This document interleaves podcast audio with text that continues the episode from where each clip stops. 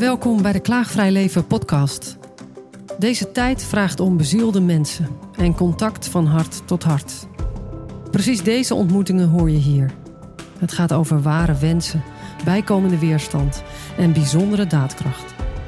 Mijn naam is Sandra Brandt en ik zou zeggen: ga er bewust voor zitten of ermee aan de wandel. Open je hart en laat je raken.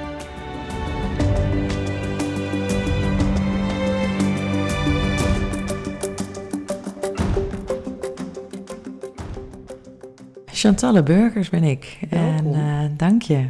Ik werk op dit moment als huisarts, als leefstijlarts en als coach. Uh, en vooral ben ik mijn eigen bedrijf begonnen, Dr. Chantalle. Waarbij ik zo graag voor mensen een gids wil zijn naar, uh, naar gezondheid en of geluk. want die twee hangen direct met elkaar samen, wat mij betreft. En wat ik nu nog zo vaak zie gebeuren in, die, in mijn werk als huisarts, is dat ik zo vaak symptomen aan het bestrijden ben. Terwijl ik oorzaken wil aanpakken. Um, ik wil uh, die mensen in zijn totaliteit zien, uh, waarvan een klacht maar een onderdeel is. En een ziekte maar een onderdeel is van de mens in totaal. Dankjewel, wat een mooie introductie. Dus je zegt, ik wil de mens uh, in zijn totaal zien, waarbij de klacht maar een onderdeel is, terwijl de klacht vaak hetgeen is waarmee men komt. Juist. En in het doorsnee huisartsenwerk toch de bedoeling is dat je die aanpakt. Ja. ZSM, want je hebt een minuut of tien per persoon. Ja, ja. En uh, bij uitzondering 20.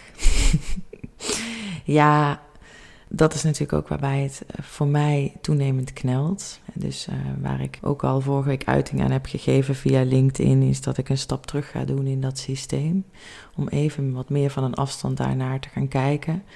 Van uh, hoe kijk ik daarnaar als ik er niet meer middenin zit maar juist eventjes wat meer uit mag stappen en kijken van hé, hey, wat, wat gebeurt er nu en wat is mijn rol daar nog in? Heb ik daar nog een rol in of mag ik daar definitief uitstappen? Ja. Dat is best een ding. Dat is echt een ding.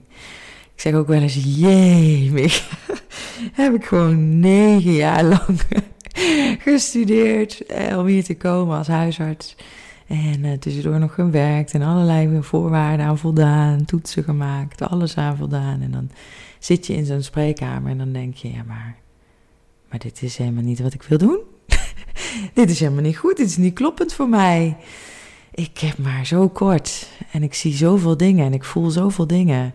En uh, we pakken maar uh, het topje van het topje van de ijsberg aan.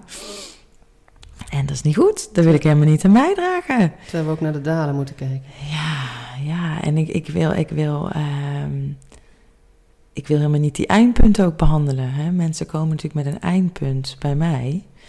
Uh, terwijl er daarvoor al zoveel gebeurd is. En ik wil ook veel liever prikkelen om alvast te kijken van als je, als je naar zo'n eindpunt toe aan het bewegen bent, kun je dat dan voelen? Kun je dat opmerken bij jezelf? Kun je er iets uh, aan doen? Wat past daarin bij jou? Uh, niet dat ik daarin de antwoorden heb, hè, wat je dan zou moeten doen.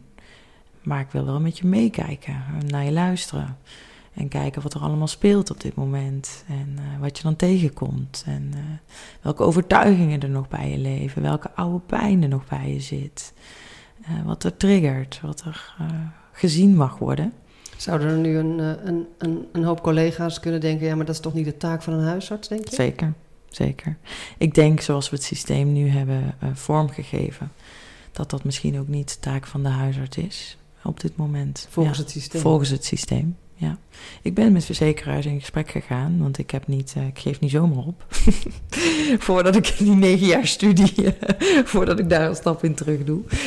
Dus ik ben met verzekeraars het gesprek aangegaan van... hé, hey, ik, ik ben eindpunten aan het behandelen. Ik ben, ik ben symptomen aan het bestrijden en geen oorzaken aan het aanpakken... van de toxische maatschappij waar we voor mijn gevoel op dit moment in leven. En ik zou zo graag willen dat ik de tijd zou hebben. Hè? Alles, alles wat ik nodig heb is tijd om daar het gesprek over aan te gaan. Dat er iets anders mogelijk is dan pil op pil op pil stapelen... en uiteindelijk zelfs injecties hè, voor diabetes bijvoorbeeld. Of uh, uh, er is iets anders mogelijk. Uh, maar daar heb ik wel tijd voor nodig om mensen daar te brengen. Dat ze dat ook, dat ze daarvoor openstaan. Dat, ze en dat zou de huisarts zijn. gewoon moeten kunnen. Nou ja, we zitten in ieder geval in een soort crisis, hè? Dat kan je zeggen. Uh, precies. Hè? Uh, de zorg is overvol. Ik werk op dit moment in een huisartspraktijk nog waar veel studenten zijn. Als ik zie hoeveel psychische klachten al bij studenten leven, ik denk, potverdikke me, die moeten nog beginnen, hè? Die moeten nog beginnen met werken, die krijgen misschien nog kinderen, die moeten nog alles zien te combineren. En het wordt alleen maar meer. Ja, hè? dus het is tijd voor wat anders. Ja, ja. En jij neemt expres even pas op de plaats om het eens van een afstandje te bekijken van waar ben ik eigenlijk in beland. Nou ja, pas op de plaats binnen de huisartsenzorg. Maar ik ga wel vol energie met mijn eigen bedrijf aan de slag. Ja, hoor. vertel. Ja, wat ik daar doe is dit. Daar heb ik gewoon een uur lang de tijd. En soms loop ik uit en dat maakt daar ook niet uit, want het is allemaal van mezelf. Uh, om echt vanuit mijn hart die ander uh, in zijn totaliteit te zien, te spiegelen.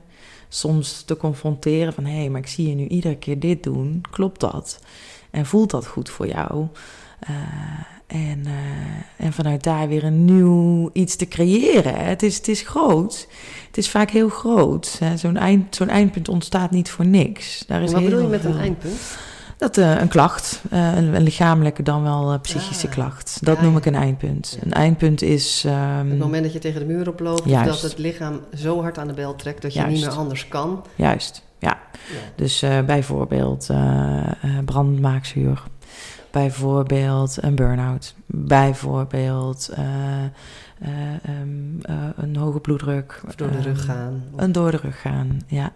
Uh, dat zijn wat mij betreft eindpunten van, um, van dingen die al heel lang spelen. Ja. ja buikpijn is ook zo eentje. Hè, die, waarbij ik altijd, als mensen vaker met buikpijn of hoofdpijn komen, dan ga ik kijken, hé, hey, wat, wat is er? Wat, wat speelt er allemaal? Uh, en dan heb je het over leefstijl, hè, dus dan heb je het over uh, waar ik me dus verder in bekwaamd heb. Voeding, beweging, slaap, ontspanning, stress. Hè, dat je Vervulling. Vervulling, zingeving. Ja, zeker. Uh, dus dat is echt één onderdeel. En een heel groot ander onderdeel is oud zeer. He, want oude pijn, ook dat speelt vaak nog wel mee. Die overtuigingen die daaruit voortvloeien. Dus dat is een groot ander onderdeel waarvan ik zie van dat, dat, dat houdt je namelijk op die rails op dat, op die, op dat pad wat eigenlijk, uh, waarvan je eigenlijk misschien wel voelt dat dat niet zo gezond voor je is. Alsof je in een oude grammofoon blijft hangen. Ja. ja. Kan je ja. een voorbeeld noemen?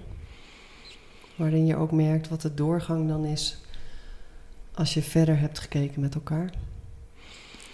Ja, uh, een jongen die kwam bij mij met uh, maagklachten en veranderde ontlasting, veel diarree. En um, nou, ik had hem lichamelijk nagekeken, ja, maagpijn, ja. Maar ik ging uitvragen, wat is er verder aan de hand? Hij had een ontzettend stressvolle baan, voelde zich niet gezien op zijn, uh, vanuit zijn baan. Uh, was een patroon wat hij ook herkende vanuit zijn jeugd. Dus dat triggerde ook veel.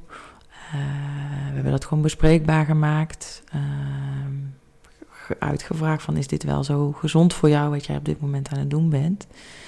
En een paar maanden later zag ik hem en had hij zijn baan gewisseld. En ik was, ik was toen als huisarts aan het werken, dus ik, ik kon niet op dat moment zelf met hem aan de slag. Psychologische hulp gezocht en maagpijn is weg.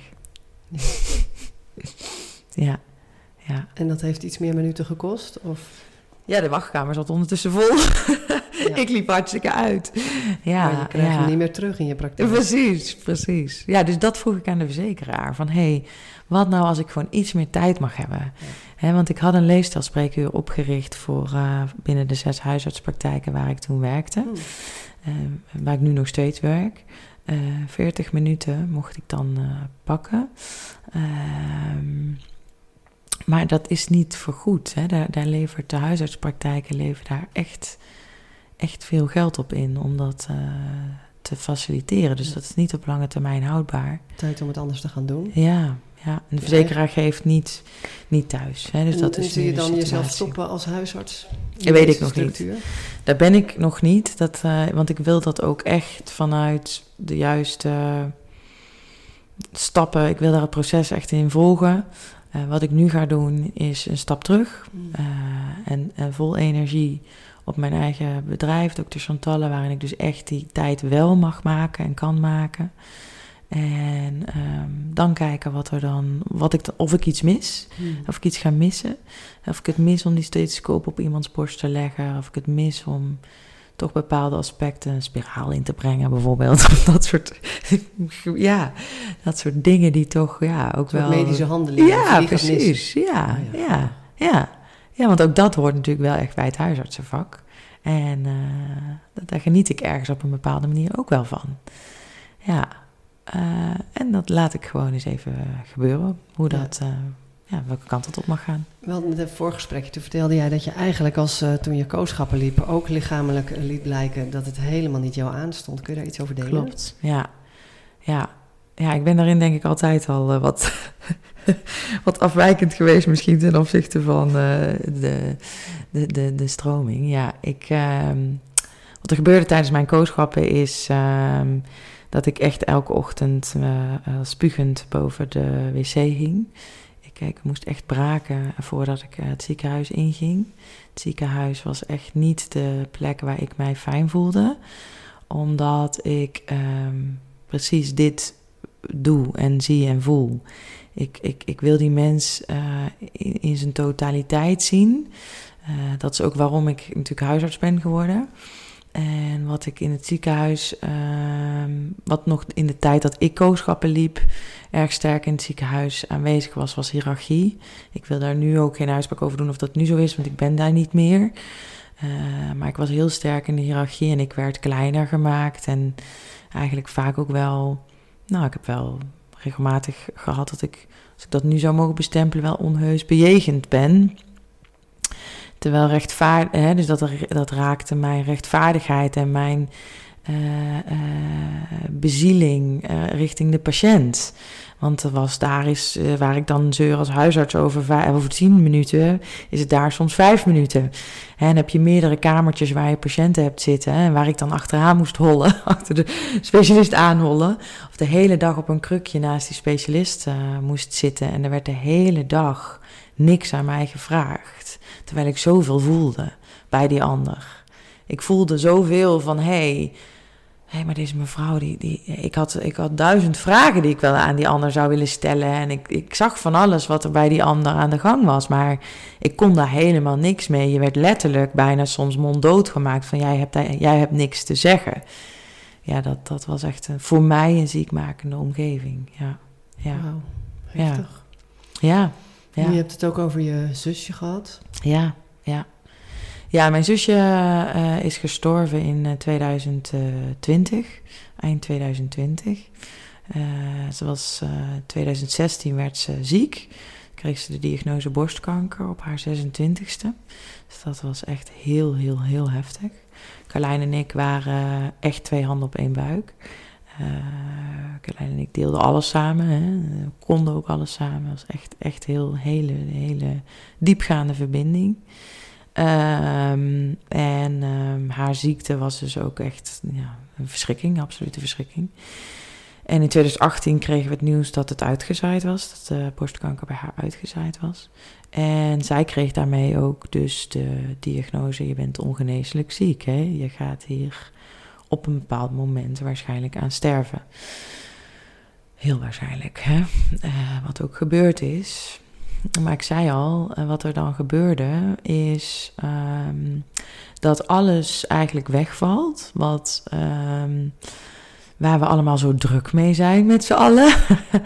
Eh, carrière, eh, ehm, nou ja, al die, al die onbelangrijk, uiteindelijk onbelangrijke dingen. Wat er overblijft is de essentie van leven. Is, eh, is echt afstemmen op wat is nu belangrijk voor mij. Wat klopt er nu voor mij? Hoe word ik gelukkig? Hoe zorg ik goed voor mijzelf binnen de kaders die ik heb? Hè?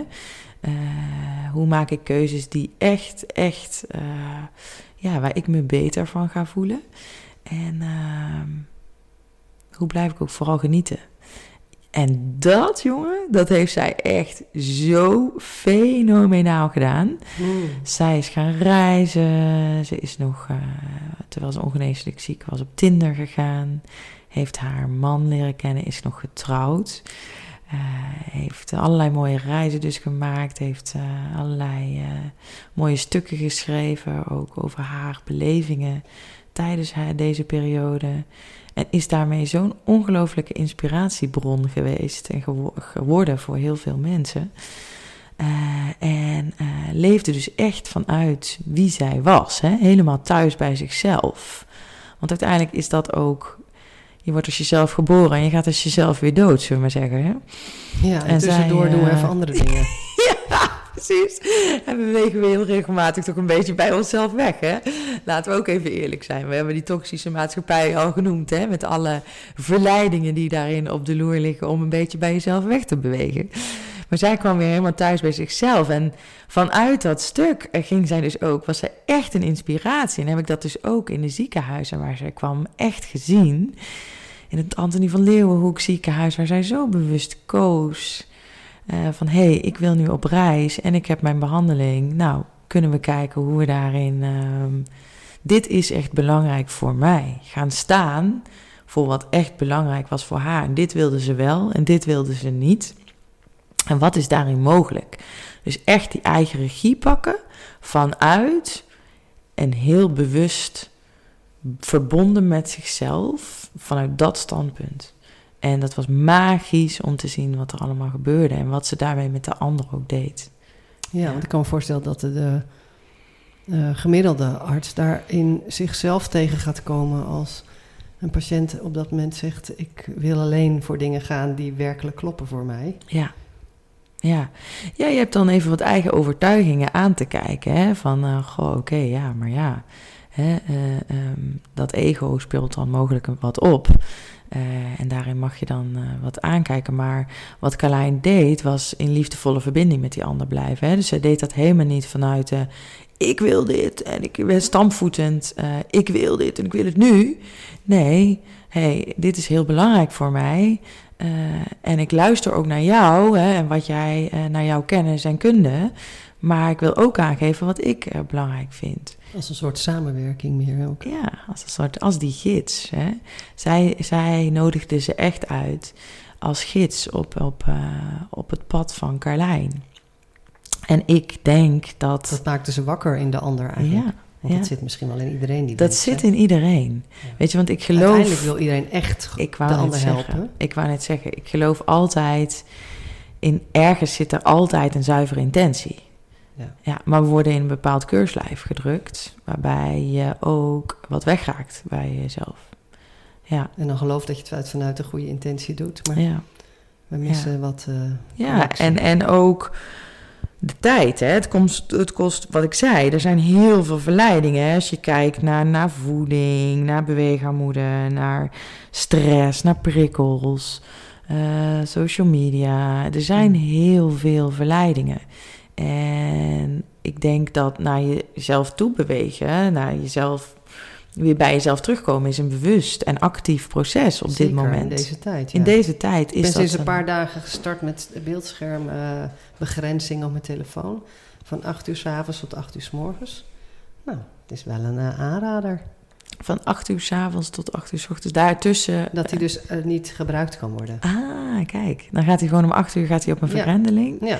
En dan uh, gaat hij er pas acht uur s ochtends weer Ik heb ook geen tv, dus ik kan dan s'avonds... Ja, eigenlijk alleen het enige wat overblijft is dat je op tijd naar bed gaat. Ja. Precies op dat moment dat je voelt dat je eigenlijk ook moet gaan. Dat is een heel grote winstpakker. Uh, ook voor mensen met slaapproblemen. Ja. voel wanneer je eigenlijk naar bed zou moeten gaan en ga dan. Ja. Uh, en de volgende ochtend, ik word meestal vijf uur wakker, half zes. Ja, dan ga ik eruit en dan ga ik... Uh, ik ben nou bezig met opdrukken. Ik heb mijn hand in het gips gehad. Ik wil dat allemaal weer een beetje krachtig hebben. Mm Nou, ik zie vooruitgang. Je gaat wat eerder poetsen en opruimen... waarvan je al langer denkt... goh, dat moet ik ook eens doen. Uh, mooi. En tegen een uur of acht heb ik dat allemaal gedaan... en ga ik voor de rest mijn dag beginnen. Maar, wat heerlijk. Maar het is een actief proces om weer dichter bij jezelf te komen. Er zijn wat keuzes voor nodig. Ja, dat is echt een bewust kiezen. Dat, is echt een bewust kiezen. Ja, ja. En, en, en ook niet dat, dat je dat dan één keer doet en denkt, nou, dan ben ik er wel. nee, dat moet je blijven doen. Dat moet je echt blijven ja, wat doen. Vertel eens over jouw bewuste keuzes de afgelopen jaar. Ja, ja, precies. Ja, eh, wat ik voelde was ehm, het knelde. Het knelde binnen de huisartsenzorg. En Carlijn en haar proces heeft daar alleen maar meer aan bijgedragen dat ik dat ook in ging zien. Ik wil niet pil op pil op pil voorschrijven. Ik wil niet in 10 minuten symptomen bestrijden, pleisters plakken. Figuurlijk dan, terwijl er nog een voor mijn gevoel smeulende wond onder uh, zit. Dat past niet bij mij. Uh, dat wist ik wel, dat het niet paste. Maar ik wist niet wat wel paste. Want dat vind ik, vond ik heel moeilijk. Uh, en dat is denk ik ook een van de... Ja, dus je voelt waar het knelt, maar hoe het dan losser kan en ontspannen en meer vanuit jou, dat was ja. nog even onduidelijk. Ja, precies. En uh, toen uh, werd ik, uh, ja, eigenlijk via een boek kwam ik bij een zielsplan consult. Waarbij hij eigenlijk aangaf, Rinus heet hij, ehm, ik... Nou ja. Ja, hij doet uh. Ja, precies. En wat hij eigenlijk doet is, uh, nou, waar we het net over hadden, hè, dat thuisbrengen bij jezelf. En vanuit daar gaat hij je eigenlijk uh, leren hoe je die keuzes weer in lijn kunt maken met wat klopt bij jou.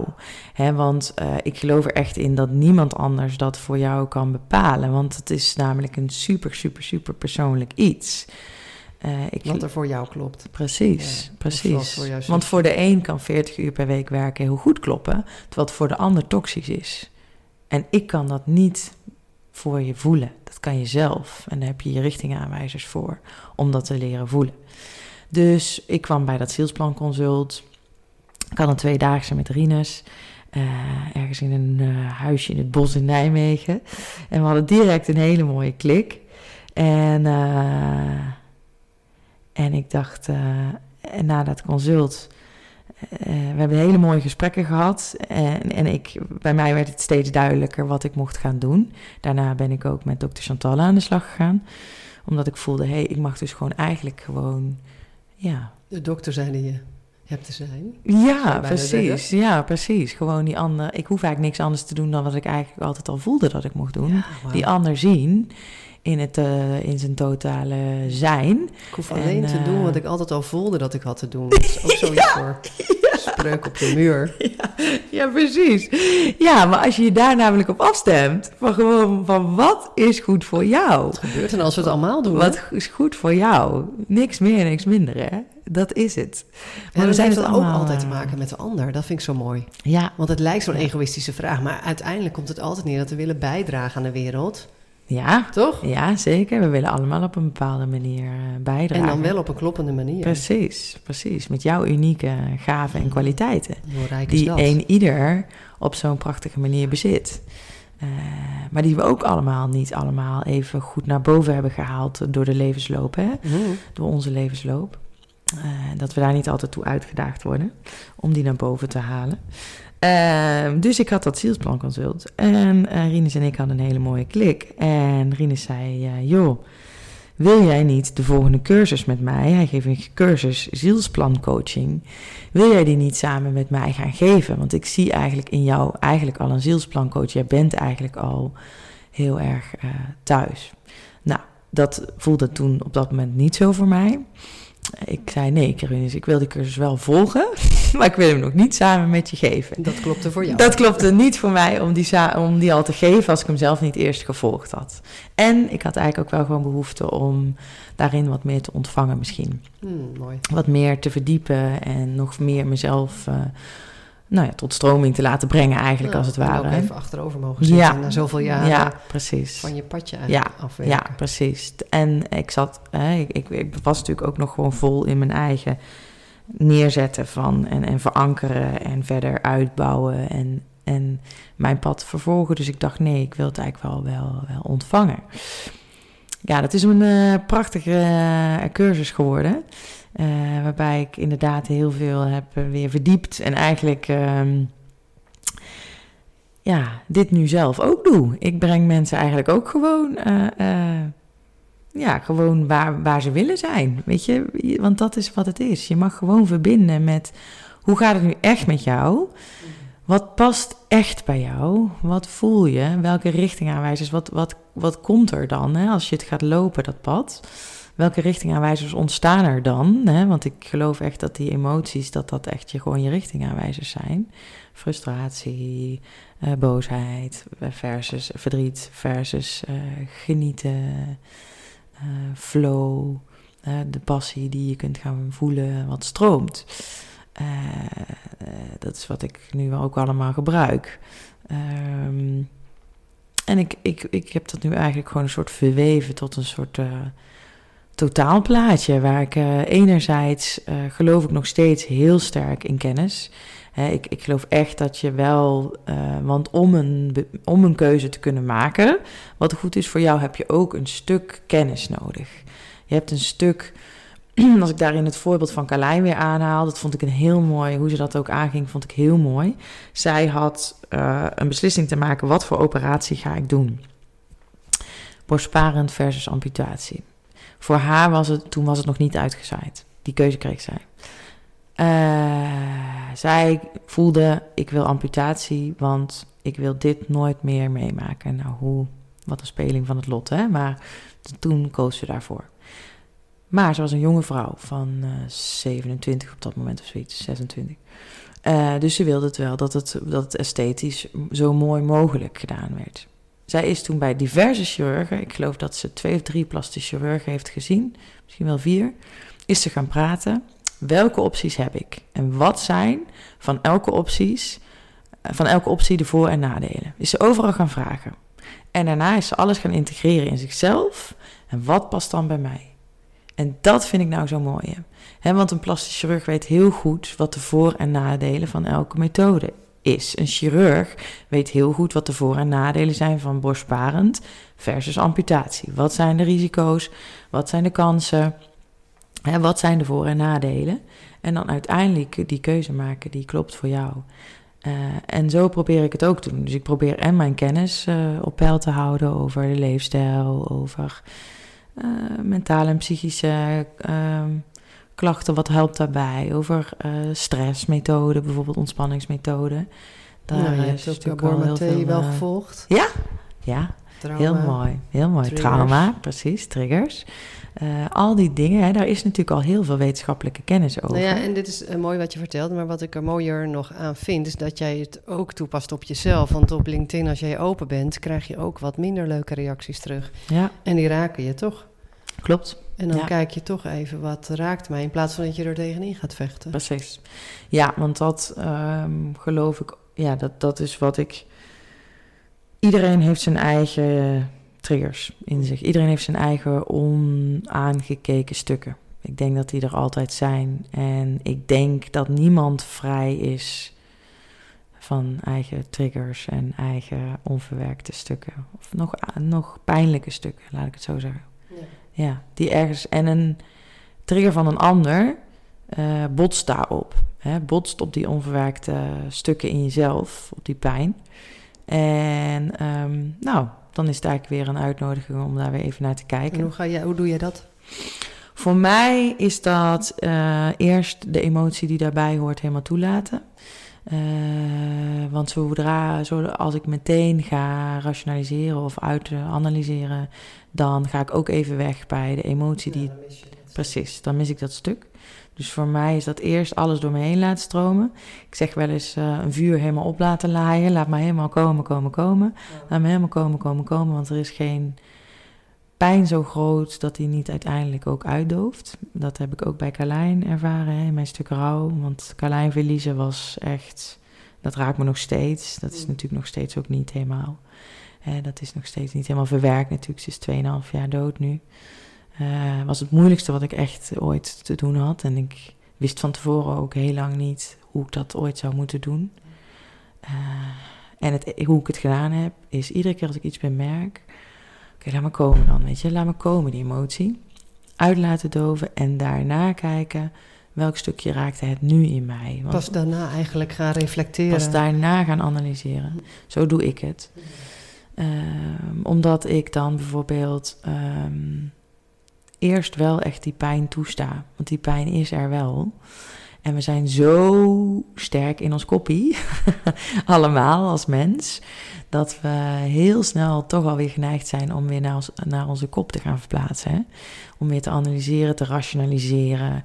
Uh, ja, dat is toch ja, dat is ook een manier om niet te voelen bijna. Precies. Dan het is echt een manier om weg te bewegen bij die pijn. En dat is ook wat je zei van ja, het is ook goed om methodes te hebben, uh, waar je in het voorgesprek ook zei, waarbij niet het praten voorop staat. Ja. Daar denk ik nu aan, want het praten kan ook een manier zijn Klopt. bij de dokter. Klopt. Uh, om niet echt te hoeven voelen. Maar zelfs bij de psycholoog. Nou ja, ja. bij wie dan ook. Ja, ja.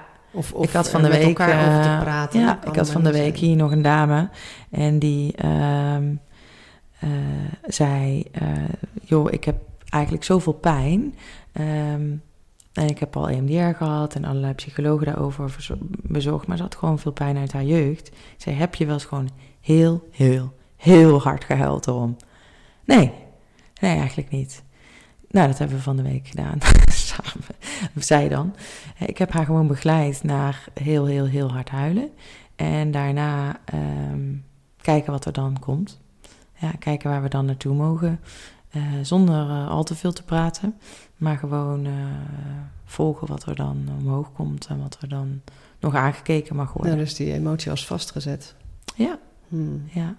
Wat ja. heb je nou met je handen gedaan? Dat kan ik eigenlijk nooit echt omschrijven. Nee. Want je nee. vertelde dat je je Ja. handen hebt. Ja, klopt. Ontwaakt. Ja. Ik voelde dat ik daarin iets nog te doen had. Um, Bijzonder. om die, om die uh, handen, om die energie daaruit ook te ontwaken, eigenlijk als het ware. Mm -hmm. Puur op een intuïtieve manier. Want ik geloof dus extra, ik geloof echt in kennis, ik geloof in wetenschap. Maar ik, ik ben er ook van overtuigd dat dat stuk energie aandacht mag krijgen.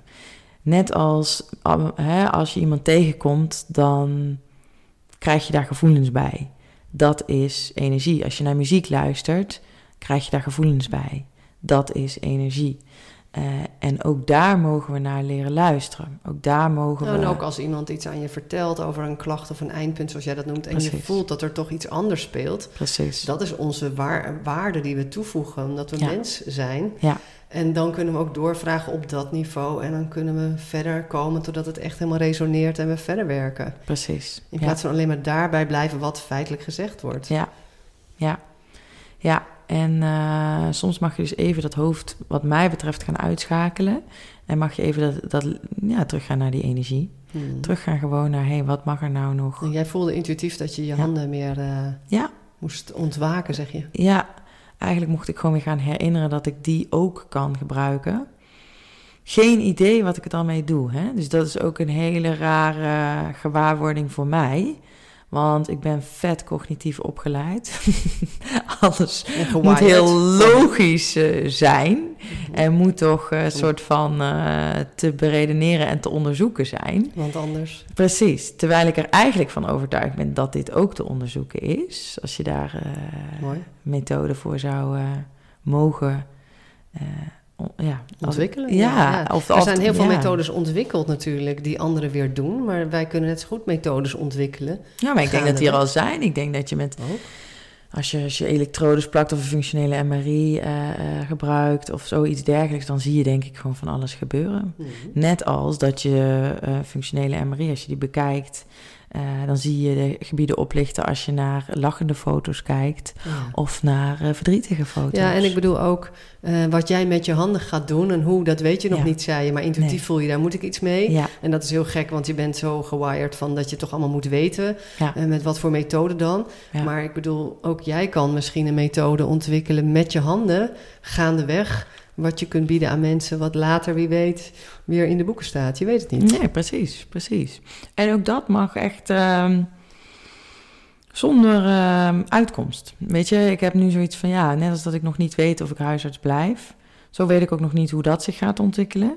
Maar ik, ik doe gewoon wat ik denk, hé, hey, ja, dit voel ik bij je en heb ik er toestemming voor, dan ga ik daar iets mee doen. Mooi. En als heb ik er geen toestemming voor, doe ik dat ook absoluut niet. Het voelt ook in lijn met, uh, met je zusje over op het moment dat je zo op zo'n punt staat in het leven, dat het enige wat overblijft is eh, Juist. het leven. Ja, Waarin het niet meer gaat over resultaten behalen Ja. en, en dingen bereiken. precies. Maar dat je het meer bent. Juist. En dat stuk, dat stuk is ook in mij voor altijd veranderd. Op het moment dat Carlijn, eh, eh, nou ja, ziek werd en, en ook toen ze stierf. De controle van, of de illusie van controle, zoals ik schreef. Hè. Dat is echt, ik heb niet meer de illusie dat we controle hebben in ons leven. Ik heb alleen de, ik heb alleen de overtuiging dat, eh, dat er verbinding en liefde en een open hart en je eigen pad volgen daarin, dat dat alles is wat je kunt doen. Dat we daar wel misschien voor op aarde zijn om gewoon jezelf te zijn. Gewoon met jouw unieke, mooie gaven.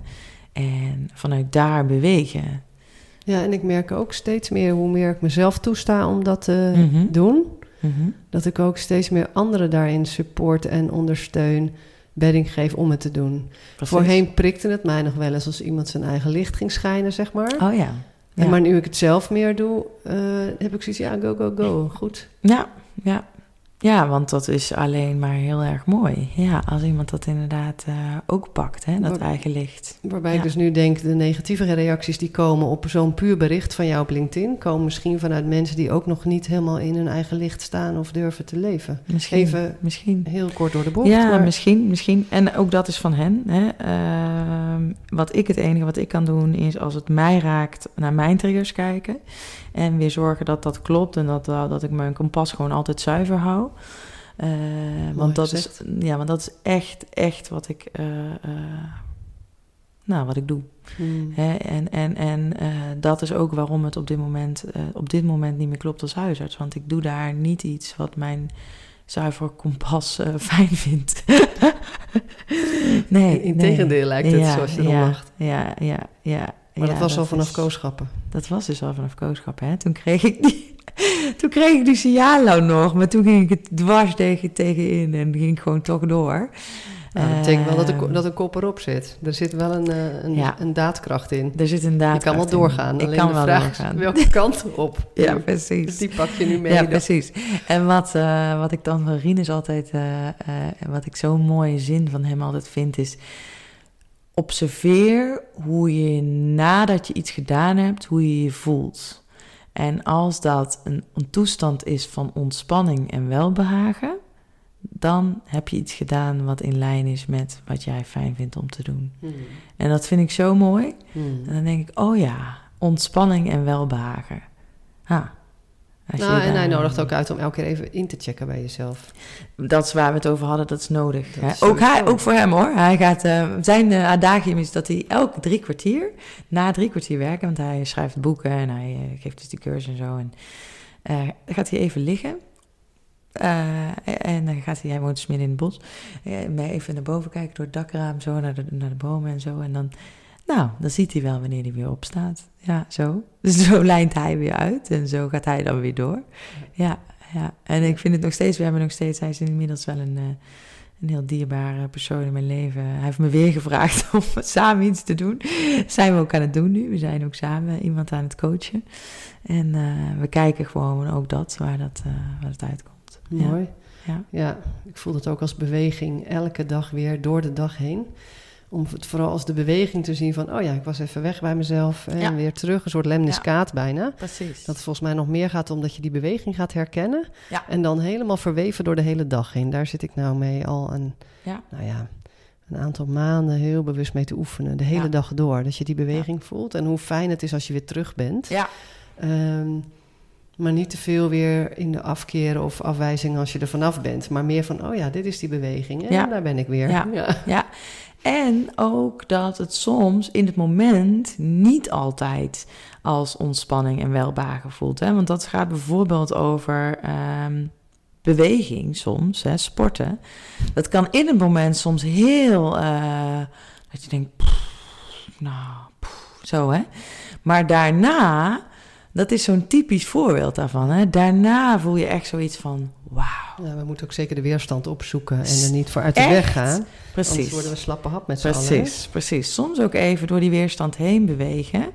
Uh, want ja, er zijn of met ook, angst aan de eh, hand bepaalde precies. dingen wel Ja, doen. Of de Zeker. moed pakken Ja. om toch Ja. een bepaalde keuze te maken of iets neer te zetten. Ja, en dan spreken. kan dus ook die kennis je wel helpen. Van hé, hey, eh, dit is wat er gebeurt. Dit is ook hè, je, je korte termijn versus je lange termijn brein. Hè, die dan een beetje met elkaar in, in, in, in weerstand raken. Maar ehm, daarna ehm, observeer maar eens hoe je je daarna voelt. Ja. Dat is mooi. En, en dat heeft natuurlijk alles met bewustwording te maken. Mhm.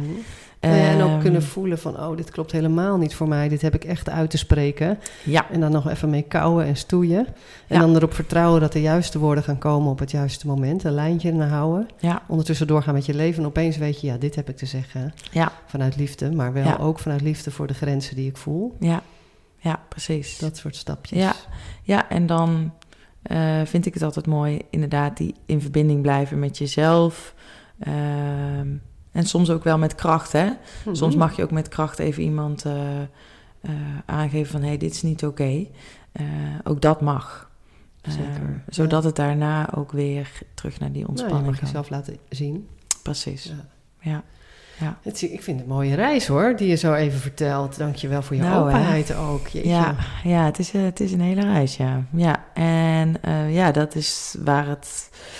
Ja, dat is wat er nu... Waar het leven me toe uitdaagt, hè, daar lijkt het op. Eh, naast, mijn vader, naast mijn zusje ben ik ook nog mijn vader verloren twee jaar daarvoor. Dus, eh, en dat eh, terwijl mijn tweeling vijf maanden oud was.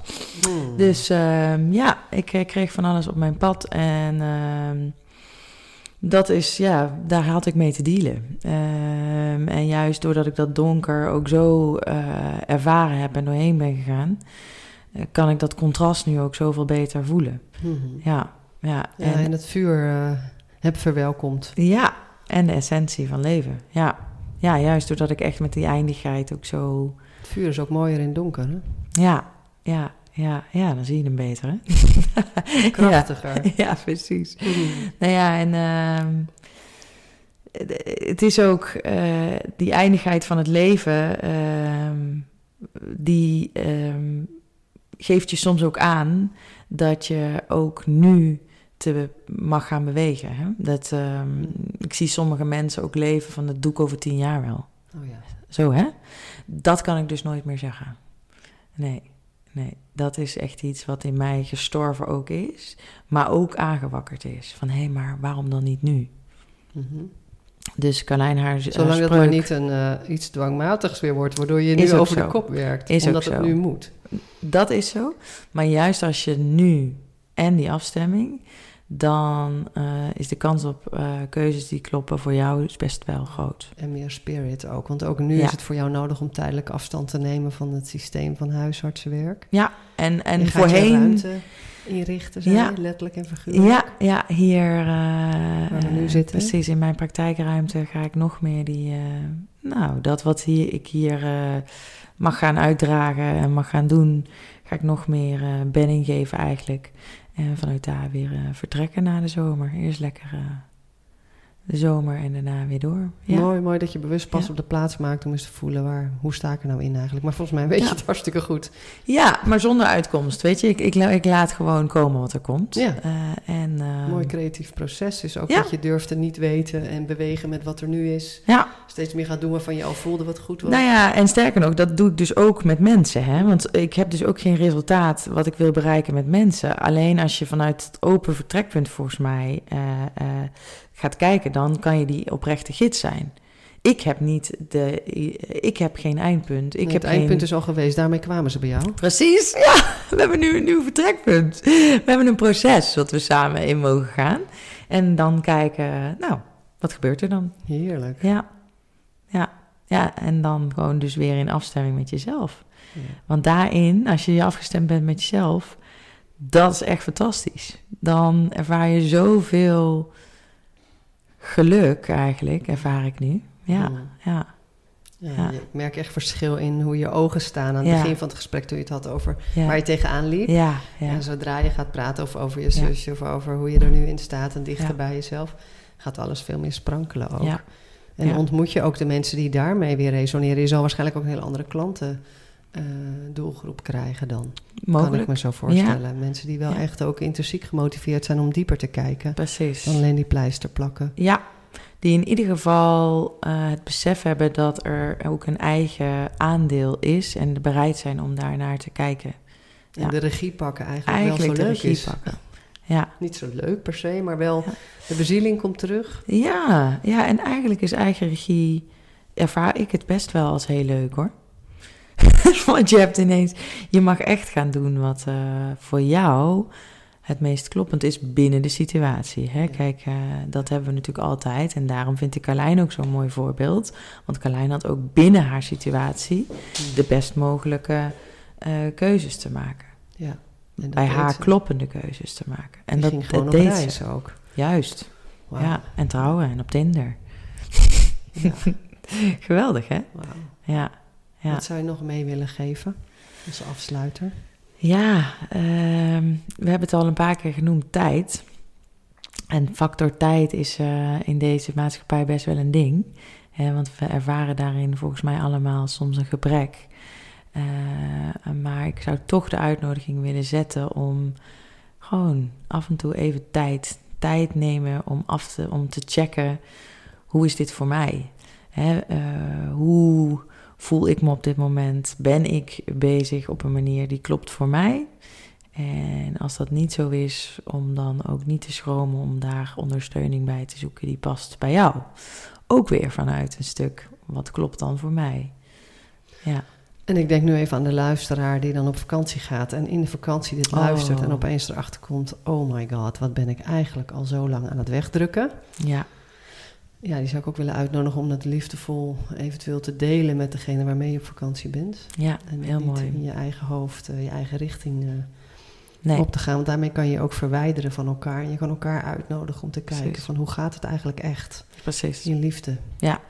Ja, die zin is zo mooi, hè? Van je, je moet het wel zelf, maar je hoeft het niet alleen te doen. Precies. Ja. Ja. Dankjewel Chantal. Ja. Waar ja. kunnen mensen je vinden? Ehm, ik ben actief eh, op eh, LinkedIn en Instagram. Eh, en mijn website www.drchantalle.nl. Ja. Dank je. ja, jij ook bedankt.